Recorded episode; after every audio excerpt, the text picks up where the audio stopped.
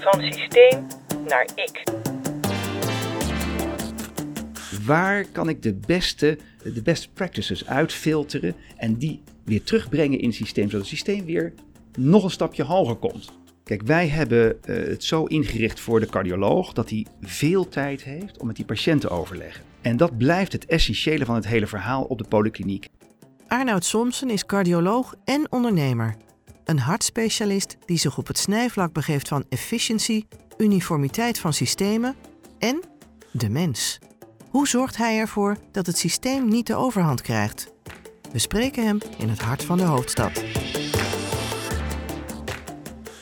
Nou, zijn we vandaag in Hartje de Pijp in Amsterdam.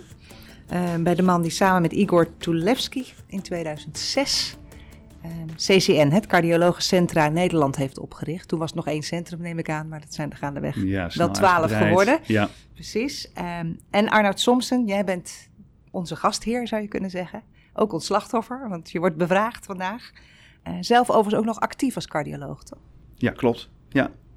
Ja, ik, eh, ik zie nog steeds patiënten, wat ik ook essentieel vind om voeling te houden met, het, eh, met ons, nou, zogezegd, primaire proces. Hè. Het, het gaat allemaal om zorg.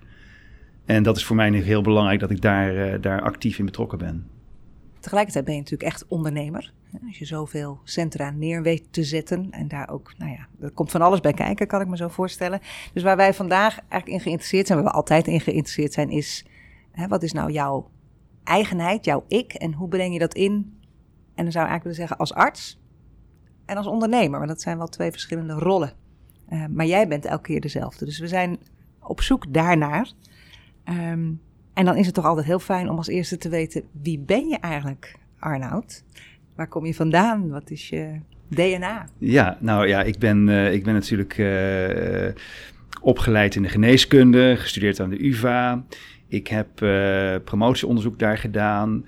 Ik ben ook altijd op zoek geweest naar, naar, ja, naar nieuwe manieren om, eh, om, om, om ervaring op te doen. Ik ben naar eh, Boston geweest eh, tijdens mijn studie, tijdens mijn opleiding tot cardioloog, om daar onderzoek te doen aan Harvard.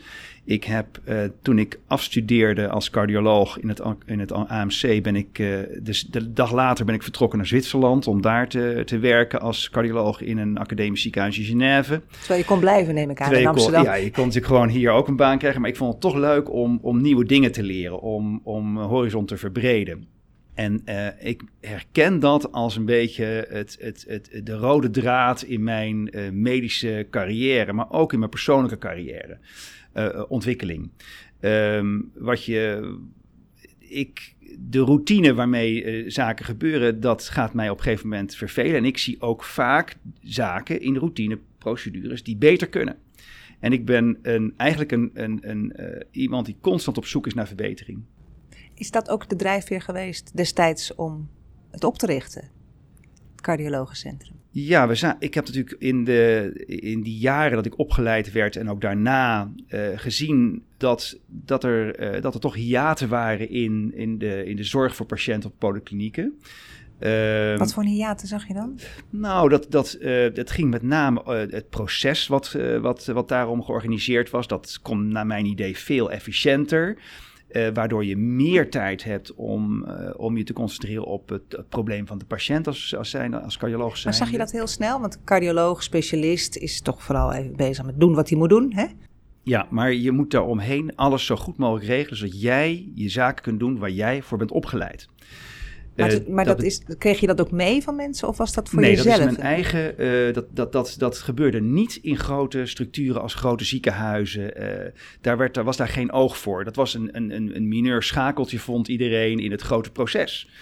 En ik heb dat stuk eruit gepakt en ik heb dat stuk geoptimaliseerd zodat iedereen die zich bezighoudt met die polyklinische zorg voor, voor de patiënt, dat hij doet waar hij voor opgeleid is. Dat hij precies ingezet kan worden eh, op zijn kracht.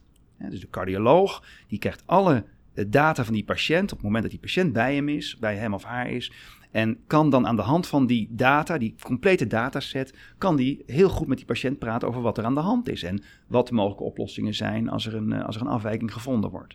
Voelt een beetje als de back-office goed op orde hebben of zo. Hè? Ja, niet alleen dat, hè, want uh, uh, wat je wil is dat, dat, er een, dat, er een, dat we met elkaar afspreken hoe die, hoe die zorg het beste ingericht kan worden. Dat betekent dat je procedures met elkaar ontwikkelt, dat je, dat je uniformiteit introduceert. Want waarom is dat belangrijk? We weten in de geneeskunde dat als je met elkaar afspreekt hoe je het doet en als je elkaar daaraan houdt, aan die procedures, dat je dan een verbetering van kwaliteit krijgt. Het heeft ook met het volume te maken. Hoe vaker je iets doet, hoe beter je wordt. Maar ook de procedures, als die gestandaardiseerd zijn, dan, is het, dan, dan zien we de kwaliteit stijgen. Dan is het ook makkelijker om kwaliteit te monitoren. Dan wordt de procedure voor iedereen duidelijk, voor de patiënt met name, maar ook voor iedereen die in dat proces een rol heeft. Nou, en dat is eigenlijk de basis geweest voor wat wij hebben opgezet uh, als Cardiologiecentra Nederland. Ik kom straks op die uniformiteit, want die is interessant. Maar eerst nog even, voor wie deed je dat dan vooral? Was het om de artsen beter te, in, hun, in hun kracht te zetten en waar, waar, ze echt goed in waren? Was het voor de patiënt? Was het voor beide? Het, het, was, uh, het is primair voor de patiënt gedaan. De patiënt daar zagen we op polyklinieken die op klassieke manier waren ingericht. Nou, dan moesten de patiënten moesten een afspraak maken, die moesten terugkomen voor elk onderzoek. Dan hadden ze vijf minuten contact met, die, met de cardioloog en dan eh, werden ze weer op pad gestuurd. Dat gaf zoveel, in mijn ogen, zoveel uh, frustratie bij patiënten, dat ik dacht dat kunnen we beter organiseren. Dat daar een heel stuk aan vastzit aan kosteneffectiviteit, aan werkplezier voor de cardioloog, werkplezier voor iedereen die betrokken is in het proces als verpleegkundige en technici. Dat is een, dat is een heel mooi, uh, mooi uh, spin-off eigenlijk van dat primaire idee dat je die patiënt iets goeds moet bieden. Zijn die doelen die je toen had, de drijfveren, zijn die nu nog hetzelfde? Uh, in principe wel. maar naarmate de organisatie groter wordt, uh, zie je dat, zich, ja, dat, er, dat, er, uh, dat, er, uh, dat er diversiteit gaat optreden in processen. wat je eigenlijk in, initieel niet voor ogen had. Ehm, wat dus, bedoel je daarmee? Nou, dat, dat wanneer je, zoals wij, meerdere vestigingen hebben, dat het, dat het zicht op het primaire proces, op de uniformiteit, dat dat een beetje vervaagt. En dat je daarvoor allerlei instrumenten moet gebruiken om dat weer naar je toe te trekken. Noem eens iets. Uh, nou, we hebben uh, bedacht dat we, omdat we meerdere vestigingen hebben, dat we met een team van mensen die heel goed dat proces kent, uh, dat we daar op jaarlijkse basis alle vestigingen bezoeken. En dat we kijken naar hoe dat proces daar lokaal uh, gehandhaafd wordt. En het interessante is dat, um, dat je, wanneer je bepaalde locaties bezoekt en je kijkt naar het proces, dat er soms veranderingen in het proces zijn opgetreden die misschien wel heel interessant zijn voor de rest van de organisatie. Maar daar staan jullie dan wel voor open. Exact, en dat moet je ook zijn. En daar, daar komt dat natuurlijk interessante van uniformiteit versus diversiteit in de organisatie. Als je die diversiteit zou kunnen gebruiken om die uniformiteit op een hoger plan te krijgen. Dat klinkt heel, heel theoretisch, hè, maar waar ik mee volgen? bezig ben, is om te kijken waar kan ik de beste, uh, de best practices uitfilteren en die weer terugbrengen in het systeem, zodat het systeem weer nog een stapje hoger komt. En dat is een, een, een, een ja, ragfijn spel. Uh, en dat vereist constante uh, attentie. Ja, interessant. Want het, het systeem is daarmee eigenlijk ja, niet per se leidend, maar wel het, het, de mens is leidend om het systeem te verbeteren. Exact, ja. Want ik, ik moet zeggen, ik krijg, als je het zo vertelt, als ik even aan de, aan, de, aan de vervelende kant wil zitten, krijg ik het benauwd. Ik denk, het moet allemaal in keurslijf en bijna robotachtig processen afwerken. Wordt het niet juist vinkjes zetten en uh, nou, dat wat we eigenlijk als patiënt niet willen in de zorg? Nou, dat is, dat is inderdaad een, een. Daar zit in principe een, een mogelijk probleem dat, je, dat, je, dat het te gemachinaliseerd wordt. Um, Want hoe hou je het menselijke erin? En het menselijke is heel belangrijk. Kijk, wij hebben uh, het zo ingericht voor de cardioloog dat hij veel tijd heeft om met die patiënt te overleggen. En dat blijft het essentiële van het hele verhaal op de polykliniek. Hè? Dus je daaromheen alle processen zo scherp mogelijk inrichten, maar wel de tijd nemen voor dat individuele gesprek met die patiënt. En dat maakt de zorg individueel, dus, hè, dus echt, echt gepersonaliseerd. Maar daaromheen zit een hele structuur die heel erg nou ja, je kunt bijna zeggen machinaal. Dat vind ik niet helemaal juist, want er zijn altijd momenten dat je... Is, eh, je werkt met mensen, je werkt niet met, met een, in een, in een, in een, in een, uh, in een voor, uh, voor auto-onderdelen. dus, dus je blijft altijd alert op het individuele uh, probleem of individuele wens van die patiënt. Dus, dus dat, daar zijn de mensen ook in getraind. Ook dat is een uniformiteit in de organisatie. Hè? Zo kun je het ook zien dat je, dat je, we zijn heel erg bezig met de customer journey, met de patient journey. Zo, hoe komt die patiënt binnen en wat is zijn ervaring in dat hele proces? En daar leren we van. En daar trainen we mensen voor op. Dus, dus het is ook interessant om, om de informatie waarmee je uh, het individueel voor die patiënt goed laat aansluiten, uh, dat je dat ook uit andere industrieën haalt, bijvoorbeeld. Hè. We, zijn heel erg, ik ben heel erg onder de indruk van, van KLM bijvoorbeeld. Hè. De gastvrijheid en de manier waarop daar hè, hospitality wordt uitge, uitgedragen. Nou, op die manier hebben we ook mensen van KLM bijvoorbeeld hier uitgenodigd om iets te komen vertellen over dat soort hospitality. En uh, dus wat je dus doet, je, je, je, je probeert het proces zo gestructureerd mogelijk in te richten met de mogelijkheid om individueel gepersonaliseerd te reageren op die patiënt. Maar de basis moet vanuit oogpunt van kwaliteit en veiligheid heel erg uh, strak geregeld zijn.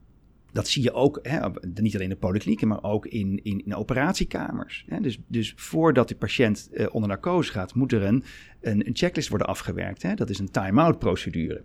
Dat is absoluut uh, machinaal. Hè. Dat, dat, dat, is, dat is inderdaad vinken. Maar het geeft zoveel verbetering van de kwaliteit van zorg. Dat dat niet meer weg te denken is in de huidige, huidige, huidige zorg. Dus, dus dat is, een, uh, dat is een, uh, een heel mooi voorbeeld van hoe je een machinale in, die, in, die, in dat proces krijgt. Maar met oog voor het, voor het individuele. Namelijk, je wil die patiënt veilig door die operatie heen loodsen.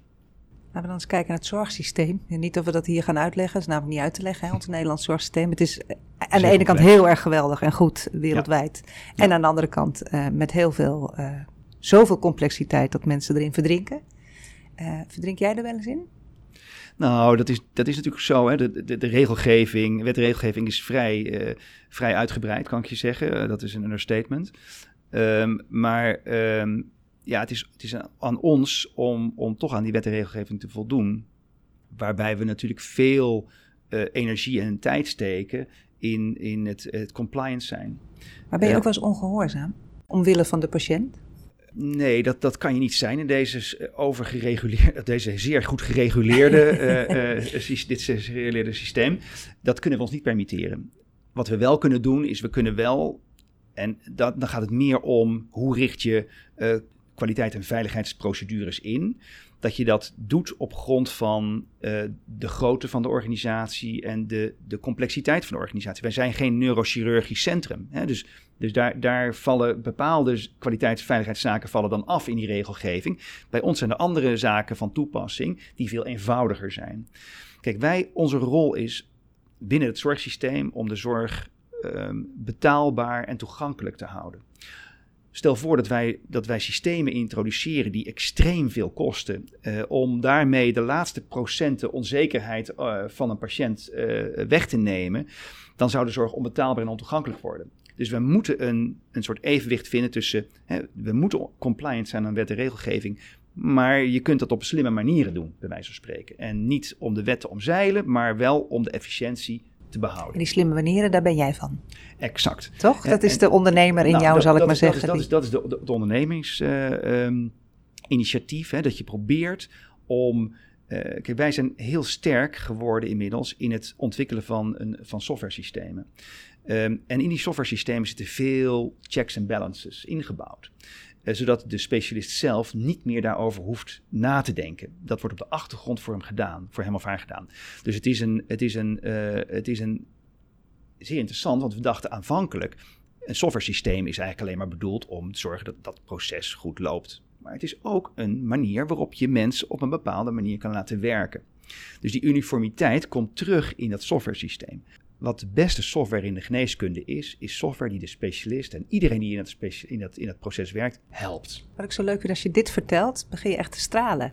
Terwijl software op zich niet jouw ding is, denk nee, ik. Nee, helemaal niet. Nee, nee, nee. Dus we, we hebben, uh, dus waarom ik begin te stralen, is omdat het ons gelukt is, in mijn opinie, om een systeem te bouwen wat echt helpt. En uh, ik, ik heb natuurlijk ook in grote ziekenhuizen gewerkt en daar systemen, uh, met systemen moeten werken die, waar je het gevoel krijgt dat het, dat, het, dat het tegen je gebruikt wordt. En dat het eigenlijk gemaakt is om ergens iemand veel inzicht te geven in wat je aan het doen bent. Terwijl hier het systeem puur gebruikt wordt om het proces te ondersteunen. En dat op de achterkant allerlei zaken geregistreerd en, uh, en geëvalueerd worden. Dat is niet interessant voor de mensen die in het proces zitten. En daarmee onthoud je ze heel veel complexiteit die niet nodig is op de werkvloer. Dus eigenlijk eh, heb je wel iets met systemen in de zin van hè, als ze goed werken, is dat dus juist, komt dat ten goede aan de organisatie. Um, dan nog even naar jou als specialist. In zijn algemeenheid natuurlijk generaliserend, maar specialisten in mijn hoofd zijn vooral, nee, doen het stukje wat ze moeten doen. Uh, en um, iemand zei ooit, dus ze gaan allemaal over een stukje van mijn vader, die met ernstige complicaties in het ziekenhuis lag. Maar wie gaat er nou over mijn vader? Dus waar zit die menselijke kant? Hoe doe jij dat? Ja, ik ben uh, zelf als, uh, als cardioloog heel erg betrokken bij mijn patiënten. Uh, dat wil zeggen dat patiënten die iets eenvoudigs mankeren in mijn optiek, hè, dus een, een, een, een, iets eh, wat, wat we veel tegenkomen in de cardiologie, daar kunnen we natuurlijk heel snel en goed een oplossing voor vinden. Hartritmestoornis of zo? Nou ja, Verzin maar dat iets, kan zo, ook in alle graderingen. Okay. Hè? Dus, ik heb dus er geen verstand van je, uiteraard. nee, maar er zijn hartritmestoornissen die echt totaal uh, onschuldig zijn tot aan zeer ernstige levensbedreigende ritmestoornissen. Maar als je kijkt in die, in die relatief onschuldige groep en, en, en wat, hè, wat ook wel veel voorkomt, want naarmate het erger wordt is het zeldzamer, dat is over het algemeen zo met ziektes, um, dan heb je daar eigenlijk niet zoveel bemoeienis mee, want je regelt dat volgens de richtlijnen en dat Die uniformiteit. Goed. Uniformiteit speelt, daar goed spreekt voor. daar ja. echt heel goed. Hè? Dat, dat werkt daar goed. Maar als je complexe problemen krijgt, dus lees iemand met, met meerdere orgaanproblemen, hè? dus de, iemand maakt iets aan zijn darmen, aan zijn, uh, aan zijn lever en aan zijn hart, dan moet je dus inderdaad contact zoeken met iedereen die zich met die patiënt bezighoudt. En moet je een consensus vinden van hè, op elk gebied moet daar een soort overeenstemming zijn met het grote, het grote doel. Hè, het kan zijn dat die patiënt um, conditioneel beter moet worden, langer moet leven uh, in de optiek van de behandelaars. Nou, dan moet je daar met elkaar een plan voor maken. Dus dat is een interactie die je bij complexe patiënten echt nodig hebt. En um, ik moet zeggen, ik vind het zelf een uitdaging en ik herken dat ook bij veel collega's, om wanneer er zich complexe problemen voordoen bij een patiënt, om dat toch heel goed te regelen, ook met andere betrokkenen, andere specialisten, maar ook met familie. Um, en ik vind het een uitdaging, en dat is een beetje het zorgzame wat je eigenlijk als specialist moet hebben, vind ik. Je kunt je heel vaak beroepen op allerlei techniek, maar uiteindelijk moet je zorgzaam zijn voor een patiënt. En moet je, uh, uh, moet je bereid zijn om extra stappen te nemen voor patiënten die dat nodig hebben. En zoals jij beschrijft, uh, wie gaat er over mijn vader? Nou, dat is een extra stap die je moet nemen als specialist. Je moet je opwerpen als hoofdbehandelaar bijvoorbeeld. Als jij vindt dat jouw probleem uh, daar eigenlijk centraal staat in het hele verhaal. En dat doe jij dan ook? Exact, ja. Dat vind ik ook leuk om te doen. Dat moet je ook, kijk, dat, is, dat kun je niet iemand in zijn schoenen schuiven. Je kunt niet zeggen, nou, dit ga je doen. Dat moet je als uh, als specialist, als zorgverlener moet je dat oppakken. Je moet het voelen eigenlijk bijna, hè? Juist. Letterlijk, ja, ja. En in dat, je lijf. En, en dat, dat voel ik ook heel duidelijk. Hè. Ik, ik, ik, ik heb laatst had ik een patiënt en die, um, die wilde, nou die had een speciale uh, hartklepafwijking. En dan vind ik het leuk om te zoeken naar de beste hartchirurg voor dat probleem in de wereld. En dan ben ik daar heel lang mee bezig. Dan kijk ik dus de, de publicaties van uh, na. We hebben een database met, met allerlei onderzoeken. En dan kijk ik welke hartchirurg nou de meeste ervaring. Want zoals ik al eerder zei, volume is kwaliteit. Hoe vaker je iets doet, hoe beter je wordt. Om, om, om zo iemand dan uit te kiezen voor die patiënt. En dan vind ik het leuk om voor die patiënt dat te regelen. Is het gelukt? En, ja, dat is gelukt. Dat is gelukt. Ja, ja, ja. En, en, en dat vind ik zo'n leuke. Dat, dat geeft mij s'avonds een enorme vrolijk gevoel. Als ik dit geregeld heb. En je, je doet het voor dat vrolijke gevoel.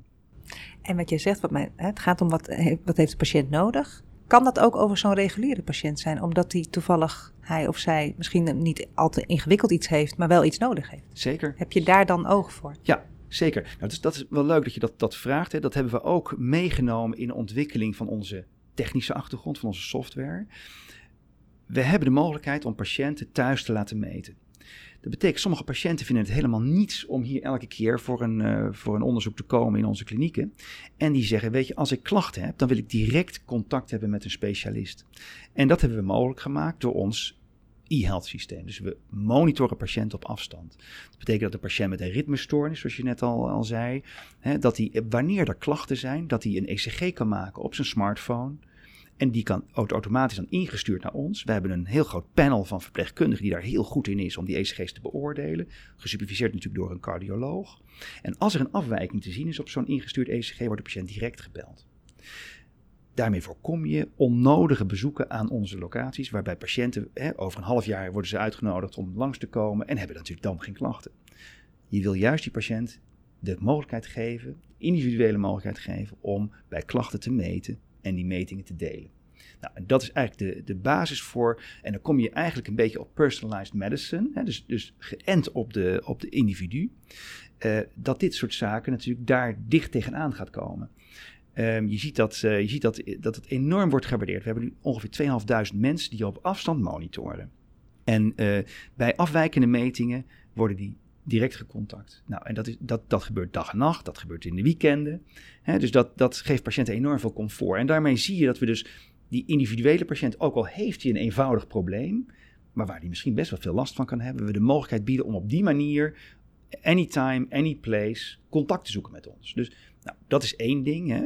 En dan heb je ook nog natuurlijk de mensen met een eenvoudig probleem, die daar toch extra begeleiding voor nodig hebben. Je kunt niet zeggen als cardioloog, het is een eenvoudige ritmestoornis, ongevaarlijk, je wordt er 120 mee, hè, bij wijze van spreken. Uh, uh, stel je niet aan. Nee, dat mag je niet zeggen, want sommige patiënten, de impact van bepaalde zaken per patiënt, die moet je wel goed kunnen inschatten. En dat vind ik ook een kunst van een, van een, van een, van een zorgverlener, van een, van een medisch specialist of van een huisarts, om dat te peilen bij een patiënt. Want het is niets frustrerender, ook voor de zorgverlener, als je het verhaal hebt verteld, iemand gerust hebt gesteld, en die patiënt komt, belt een week later op en zegt, ja maar dokter, ik durf geen, geen pas meer te zetten, want ik ben bang dat ik dood ga. Nou, dan heb je iets gemist. En het, het, interessante is dat je probeert om dat in een vroege fase op te pikken, zodat je die patiënt ook in de beginfase al de goede begeleiding kunt geven. Dus zoals we allemaal zeggen, geen enkele patiënt is gelijk, hè? dat is ook zo. Alleen soms de problematiek waarmee je hè, als specialist te maken dat is natuurlijk overeenkomstig. Maar je moet je, eh, eh, je, moet je ook heel goed realiseren dat zo'n patiënt zijn eigen beleving en eigen eh, zaken heeft.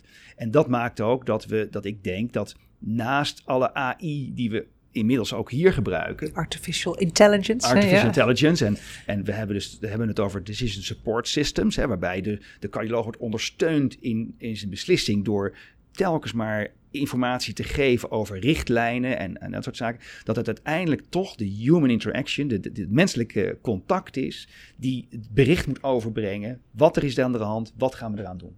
Heel blij dat je dat zegt. Dat is waar we hier zitten natuurlijk, hè? Voor, voor die ik en die eigenheid. Ja, ja, Maar vooral voor die van, van jou. En Kees heeft heel hard mee zitten schrijven op al zijn blaadjes. Kees, je hebt geduid. Nee, dat ga ik nu doen. okay. Dat ga ik nu proberen te doen, uh, Arno. Om te beginnen, uh, je mag nooit vergelijken natuurlijk als je uitgaat van uniciteiten in ons gedachtegoed. Maar ik denk dat van alle podcastgasten jij het beste de middenweg gevonden hebt. Tussen systeem en ik. dus als ik jou hoor praten, moet ik heel erg denken aan Google. Dat is aan de achterkant ongelooflijk complex en sophisticated en duur. En, en aan de voorkant een invoerveldje. Dat is een compliment. Ja. We gaan proberen om jouw talent in één woord te vangen. En ik gebruik daarbij vooral woorden die jij hebt gebruikt. Zou je iets meer kunnen zeggen over het woordje ragfijn? Ja, dat, is, dat gebruik ik als een verzamelnaam voor het, um, voor het samenbrengen van verschillende kwesties. Ragfijn betekent dat je met, aller, met veel verschillende zaken rekening mee moet, moet houden. Dat je, dat je zaken op elkaar af moet stemmen dat je verschillende mensen betrekt bij een organisatie. Uh, dat, je, uh, dat je het proces uh, zo inricht dat het voor iedereen acceptabel is. Dat iedereen zich erin kan vinden. Van patiënt tot aan eh, zorgmedewerker. Maar ook mensen die de administratie moeten doen, mensen die, uh, die de e-health uh, zenuwcentrum bemannen. Dus het is een, het is, je bent constant bezig om mensen bij elkaar te brengen, om processen zo in te richten dat het voor iedereen acceptabel is. Dat is een ragfijn spel. Ja, dat komt volgens mij bij Olivier Bommel vandaan. Zoiets. Nou, ik, vraag het ook uh, omdat uh, heel jouw uitstraling daar ook bij aansluit, vind ik. je handen, dat vind ik ook wel logisch voor een cardioloog. Ja. Een ragfijn spel. Uh, dus even verder gaan met jouw antwoord, uh, Arnoud. Ben jij nou meer de vernieuwer of ben je meer de inbalansbrenger? Of hoe zitten die twee nou in één persoon gemixt, zeg maar? Welke kant helpt de andere? Ik denk dat er in iedereen wel een vernieuwer schuilt, al is die bij sommige mensen erg verborgen. Je hebt als vernieuwer verbinding nodig. Ik geloof dat vernieuwing alleen kan floreren als het ingebed wordt in support, in, in ondersteuning van iedereen die erbij betrokken is. En, en dus betekent het dat ik voor mijn vernieuwing heb ik die balans nodig. Ik zoek de balans om die vernieuwing te, te bewerkstelligen. Want zonder balans heb je, heb je geen enkel zicht op een vernieuwing. Een nuttige vernieuwing bedoel je dan? Ja, ja, ja, precies. En een, een sustainable vernieuwing. Kijk, ja. dus dat vind ik ook belangrijk. Hè? Dus wat ik binnen de organisatie altijd zeg tegen mijn medewerkers is... het, het moet uh, haalbaar, schaalbaar en betaalbaar zijn. Dat zijn drie keywords die we, die we ooit een keertje hebben bedacht... maar waar eigenlijk elk project, elke vernieuwing aan moet voldoen. En dat haalbare, daar zit, dat, dat, zit die balans in. Die balans dat iedereen betrokken zich thuis voelt met deze vernieuwing.